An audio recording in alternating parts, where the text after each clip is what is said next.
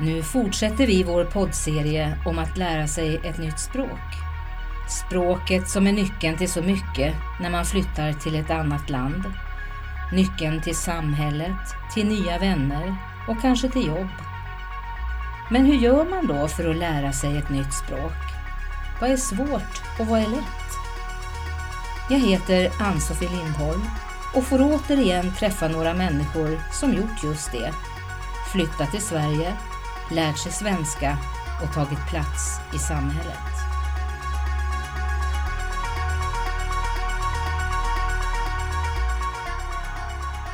Idag träffar vi Amjad som lärde sig den första svenskan genom att översätta alla skyltar han såg.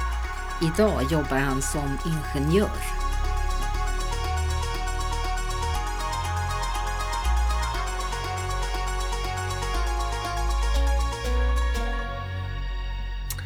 Berätta lite om dig själv. Ja, jag heter Amjad Makul och kommer från Syrien.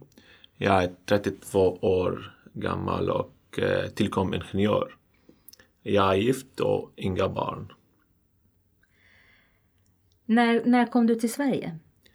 Jag kom ungefär eh, tre år sedan till Sverige. Ja. Mm. Kunde du någon svenska då? Nej, jag kunde inte svenska alls faktiskt när jag kom hit. Vilket ord var det första du lärde dig? Minns du det? Hej! ja, Ja. alltså ja. Och det andra? den andra är jag. Ja. Ja. Berätta om hur du börjar lära dig språket i början. Jag började eh, lära, läsa skyltar från gatorna och sen eh, översätta dem från eh, mobilappen eh, Google Translate till mitt språk. Mm. Skyltar. Och sen gick du till eh, någon skola. Ja, sen började jag eh, på SFI på Tyresö gymnasiet och eh, efter SFI eh, jag började jobba. Så eh, eh, det var mest från jobbet och eh, förstås tidningar och sådana grejer. Hur gjorde du konkret? Använde du eh, eh, uppslagsverk, grammatik, bok, ordli- skrev du ordlistor? Eller hur gjorde du? Ja, när jag började på SFI, eh, jag har använt eh, grammatikboken från eh, SFI. Och men sen jag började bara samla in eh, det här ord, ord som jag översätter till, eh, till mitt språk. Så, eller spara dem på min mobiltelefon. Vilket mål hade du med svenskan i början? Eh, Jag hade ett mål på att prata flytande svenska och eh, förstår allting och eh, alla förstår vad, vad jag säger. Ja, det var målet. Ja, bra mål. Vad eh, tycker du är enklast med svenskan? Den enklast med svenska är att den är lika med engelska och det finns gemensamma ord. Så om man kan engelska så det blir jättelätt med den. Och sen, alltså själva grammatiken är inte så svårt eftersom verben skiljer sig inte om eh, beror på eh, pronomen, eller jag eller eh, han eller hon. Så samma verb. Den är enkelt, tycker jag. Och vad är då svårast? Den svåraste på svenska är det finns flera uttryck man lär sig på språket. Så det finns flera olika sätt att prata eller beskriva någon, eh, någonting. Ja. Vad läser du på svenska? Ja, jag mest läser tidningar och eh, nyheter.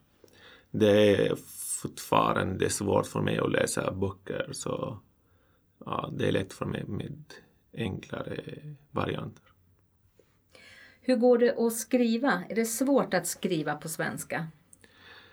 Nej, inte, inte så svårt att skriva eftersom jag är eh, bekant med de här alfabetet. Så det finns bara tre till bokstäver som jag känner inte till, men de är lika.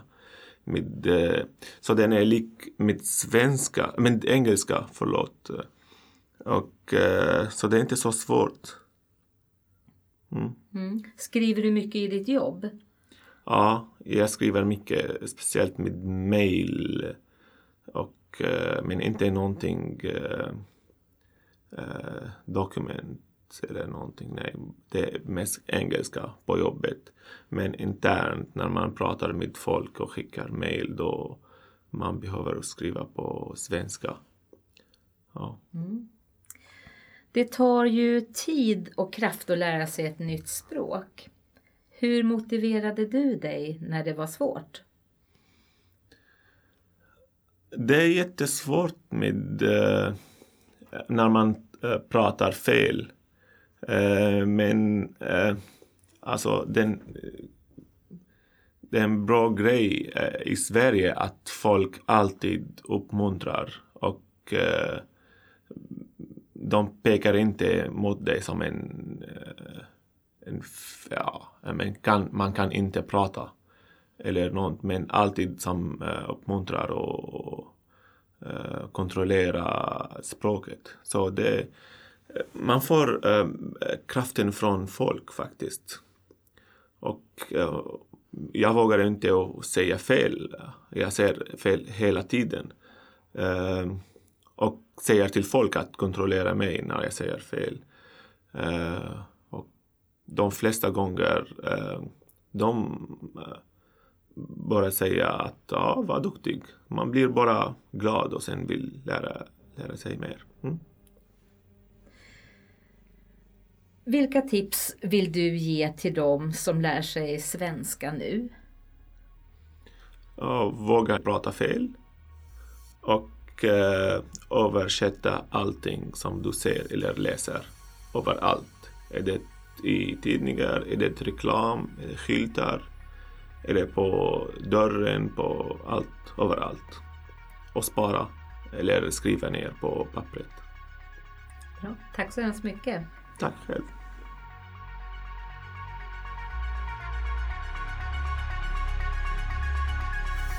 Vill du arbeta med podden i din undervisning?